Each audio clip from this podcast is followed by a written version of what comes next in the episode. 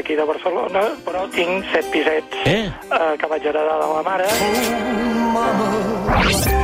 Eh, Set pisos? En el barri de Poble Sec, concretament. No, no puc opinar. Clar, set pisets, no sé si es considera petit propietari, però em sembla una petita gran fortuna, si m'ho deixes dir així. 61.500. Amb el... Jo tampoc eh, no considero, tampoc...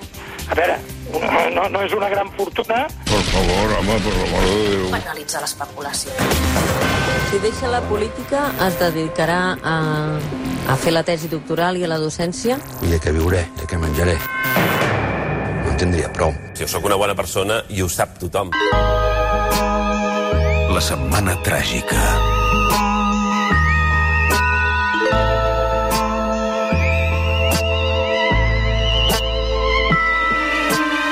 Passen 6 minuts de les 10 del matí cada diumenge cap a aquesta hora, la setmana tràgica a Londres. Ion Sindreu, periodista columnista del Wall Street Journal. Què tal, Ion? Bon dia. Bon dia. Toni Rodon, doctor europeu en Ciències Polítiques, investigador a la London School of Economics, professor de la UPF i també de la UOC. Bon dia, Toni. Bon dia, bona hora. I felicitats per la part que us toca, eh? perquè s'ha de celebrar, no?, tot Quina? això. Ah, parles d'ahir, no? Sí, clar. tot i que la part que ens toca... Eh, la part que ens toca és poca, eh? És poqueta, és poqueta. Sí, no han fet res. De de fet, eh, han guanyat malgrat nosaltres. Una mica. eh? Esteu contents, Ion? Sí. Sí, jo, jo no sóc... Bé, a veure, és a dir, d'entrada eh, fa una mica de ràbia que el títol sigui contra el meu segon equip, però eh, més enllà d'això, eh, a mi la Copa del Rei, jo sóc dels que encara pensa que no és indicatiu de, de massa cosa. És que mai estàs content, eh, Ion? No, no, de veritat, mai estic content. Vull dir, al final, uh, això, això s'ha d'admetre, no? És a dir, ve, ve amb el pack de- d'optimisme és madridisme, doncs el fet d'est- d'estar sempre insatisfet. Um, tot i que no, la veritat és que m'ho vaig passar vaig passar prou bé amb el partit, que d'això es tracta. Al final, uh, a mi això és el que em fa content. A mi el tema dels títols i això no, no, no, no, no em genera una especial il·lusió, tampoc. Uh, està bé com a comprovació de que les coses van una mica millor, però vaja, ja et dic, jo crec que per mi la, la Copa no és molt significatiu d'això. Al final, el problema del Barça endèmic de l'última dècada és eh, contra els grans equips i això és un problema que se segueix tenint. Ara, com a mínim, ens ho passem bé mirant el futbol, que ja feia molts anys que, que no era així. Mm -hmm. Toni, vas veure el partit, eh, t'ho vas passar bé, tu? Sí, sí, jo, jo em permeto un dia a l'any d'optimisme, o dos com a màxim, i de fet ahir va ser un bon dia. Eh, A més, el partit va tenir una mica de tot. Una primera part eh, en què va donar aliment als pessimistes com jo, perquè van fallar més que una escopeta de fires, i llavors tenies la sensació que l'Atlètic ens marcaria el minut eh, 89 eh, de forma injusta, però bé, després el partit va acabar molt bé i la veritat és que bé, molt bé. Uh, va ser una, una gran final i, de fet, fins i tot va superar, la, jo crec, les expectatives potser de, del propi entrenador, no? perquè el Barça va fer un molt bon partit a molts nivells. Mm -hmm. uh, Ion, es pot tornar a mirar la BBC ja? Uh, o, o, o encara estan, suposo, amb tota la tralla de, de Felip d'Edimburg? Perquè ahir finalment uh, sembla que es va tancar el capítol, eh?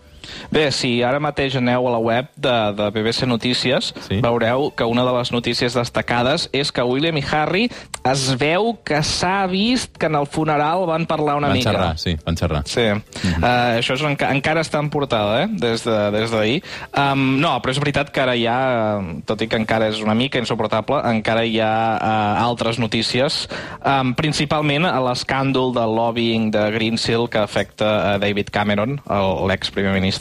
Um, per tant, uh, doncs això ens ha rescatat una mica del monotema. Passen 9 minuts de les 10 del matí, avui deixarem el futbol de banda, també la monarquia, i eh, parlarem eh, d'una qüestió que afecta Catalunya, però també afecta el Regne Unit.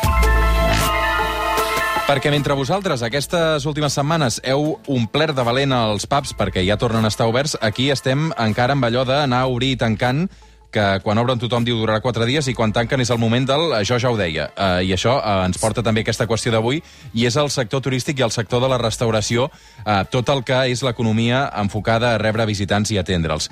Quin pes té a Catalunya el sector de la restauració i el sector turístic? Ion Sindreu, fes-nos un retrat primer general. Uh, bé, és a dir, aquí, en, uh, si mirem concretament no, el, sector, el sector turístic, estem parlant del 12% uh, del PIB català, però un 14% uh, de l'ocupació.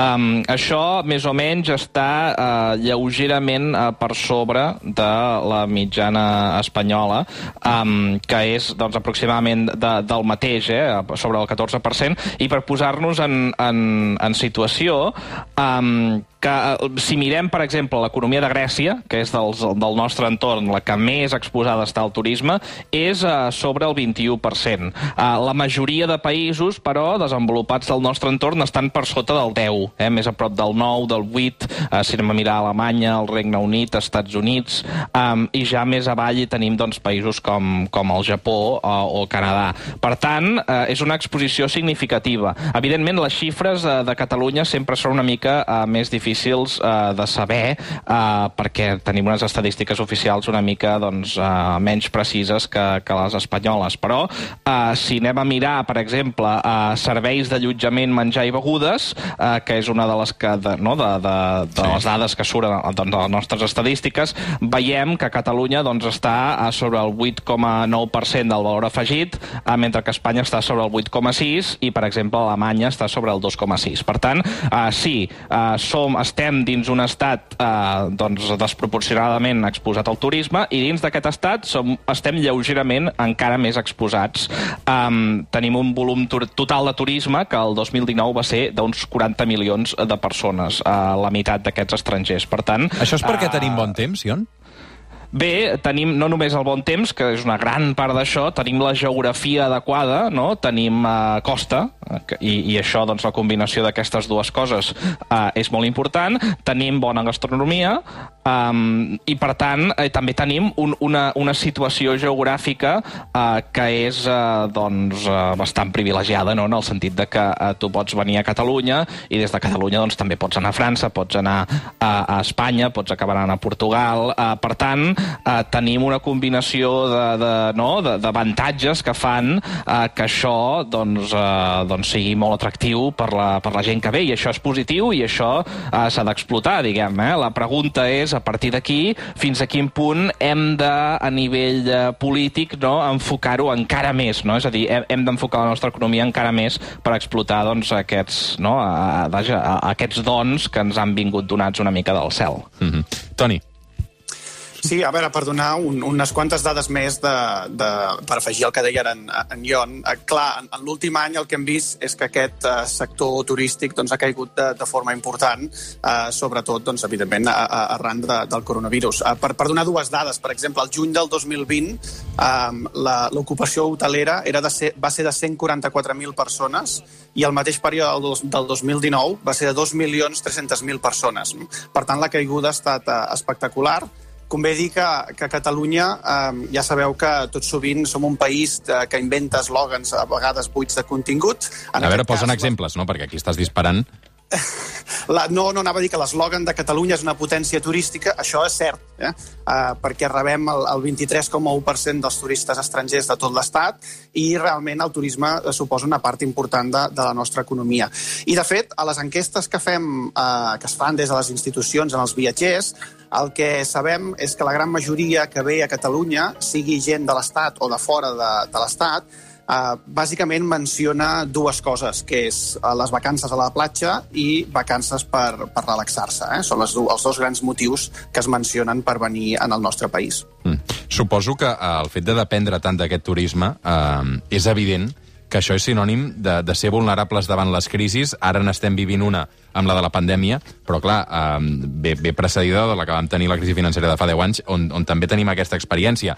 Però eh, l'experiència no ha servit per, per reformular-nos econòmicament com a país, segurament, no, Ion?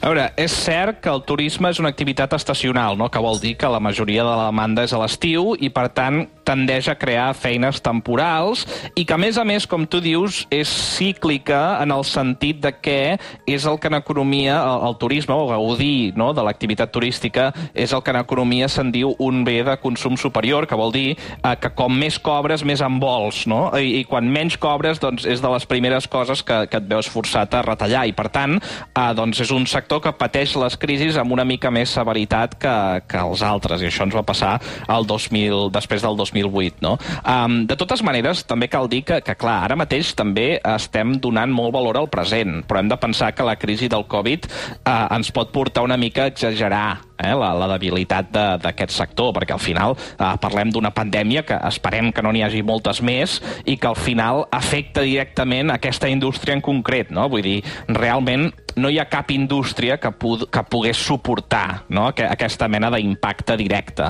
Um, Ara, el que sí és veritat, eh, més, més enllà d'aquesta inestabilitat a nivell macroeconòmic, és que, eh, bé, fins a quin punt l'especialització amb el turisme eh, serveix, eh, un, per crear eh, llocs de treball on es cobra molt i que siguin estables, i dos, a nivell macroeconòmic, eh, doncs és una bona idea, no?, enfocar-se a, a, a aquest tipus d'activitat. Um, en aquest programa jo sovint parlo de, de la divisió del treball, no?, a nivell internacional, i això per simplificar-ho. Uh, vol dir que els alemanys uh, a nivell internacional es dediquen a fer els cotxes i els xilens es dediquen a exportar el coure.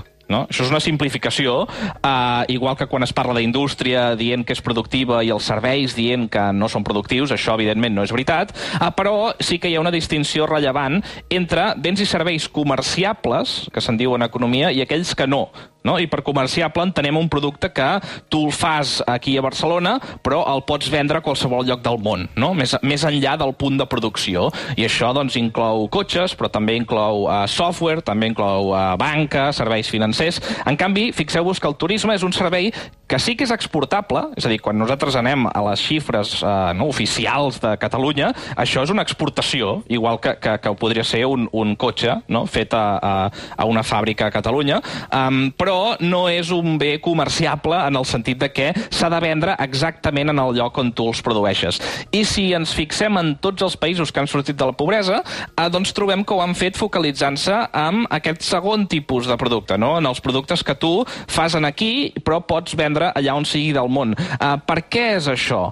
Uh, doncs això és perquè aquest tipus d'activitats són molt fàcils de fer en sèrie. No? Tu pots invertir en tecnologia i pots invertir en capital i pots mecanitzar la producció, pots millorar la producció, pots, uh, diguem-ne, millorar aquesta divisió del treball per augmentar la productivitat d'una fabricació de cotxes o de productes químics o del que sigui. En canvi, si ens hi pensem en el turisme, com es fa que el turisme uh, millori? No? És a dir, un, un, la Costa Brava és la mateixa ara que, que, que fa... De fet, és, és una mica pitjor, no?, per tota aquesta construcció ara que la de fa uh, 50 anys. Com s'augmenta la productivitat d'un hotel, com s'augmenta la productivitat no, d'un càmping de la Costa Brava, és molt complicat, no? Uh, I, per tant, uh, tot i que és veritat que, que, que els països rics, uh, una vegada han aconseguit ser rics, doncs han equilibrat molt uh, els serveis, també, la productivitat dels serveis, tot això segurament és una mica un artefacte estadístic. Al final, eh, si recerca, entre d'altres, d'un economista que us sonarà de Harvard, que es diu Dani Rodrik, troba que eh, és l'expansió d'aquestes altres activitats comerciables, no? la que crea el, el desenvolupament mm-hmm. econòmic. I llavors, clar, Uh, eh, no, no és per demonitzar el turisme, però sí que hem d'explicar que focalitzar-se en el turisme, doncs, històricament i a través dels països, doncs, no ha servit uh, per tenir un nivell de vida millor. Uh, per tant, uh, una mica aquesta relació entre el turisme i la, i la precarietat. I et volia preguntar, Toni, uh, políticament uh, és evident que el turisme genera controvèrsia. Uh, a Catalunya també en tenim molta experiència. Últimament, aquests últims anys, uh, veiem també pancartes que hi posa Tourist Go Home, uh, l'afartament de molts barcelonins uh, sobre la massificació. Tot això ara ha deixat un paisatge desert, per exemple, al centre de la capital catalana, barris completament buits a tocar de la Rambla. Um, però, clar, m'imagino també, ara mateix, algun oient que ens deu estar escoltant des de Camprodon o des del Port de la Selva, que li deu fer riure que aquí estiguem, uh, doncs, uh, alguns barcelonins queixant-nos, no?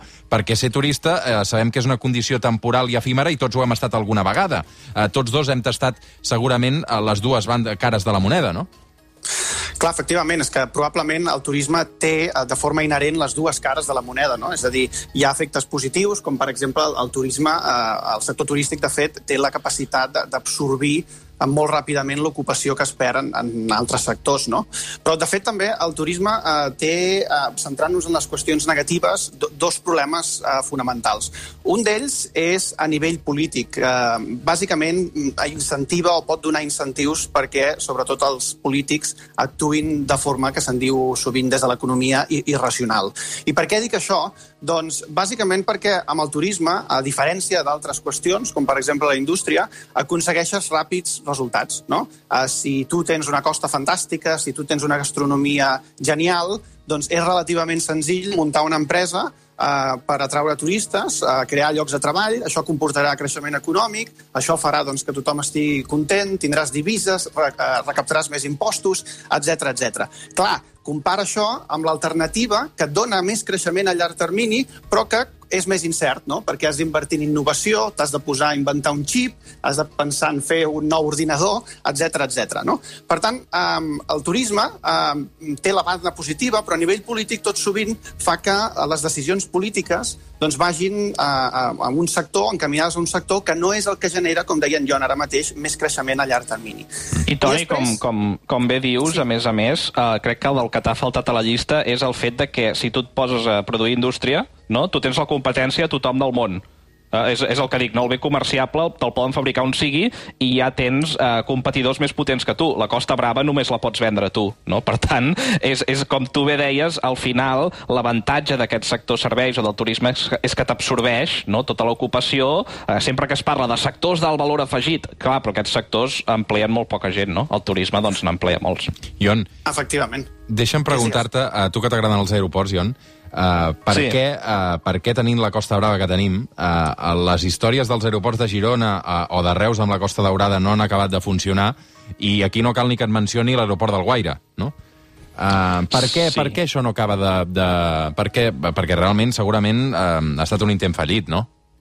Eh, Bé, és que també cal distingir dues fases en la indústria de l'aviació low cost. Eh, La primera seria una mica la, la dècada dels 2000, en què aquestes aerolínies es van focalitzar en crear el que se'n diu aquestes rutes uh, point to point, no? que vol dir bàsicament que s'anaven a un aeroport secundari i et connectaven amb un altre aeroport secundari. Però això, I a, ho Lon sí, a Londres sí, que ha funcionat, no?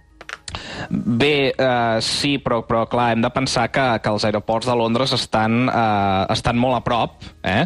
uh, de, de, de, de la ciutat i, per tant, uh, la gent, doncs... Uh, és, és veritat, eh? És a dir, que aquí també es podria Està dir... tan a prop com eh, que- Girona de Barcelona. Sí, sí, és cert. De totes maneres, aquests aeroports, eh, parlem de Stansted, parlem de, parlem de uh, Gatwick, parlem de Luton. Luton està com, relativament lluny.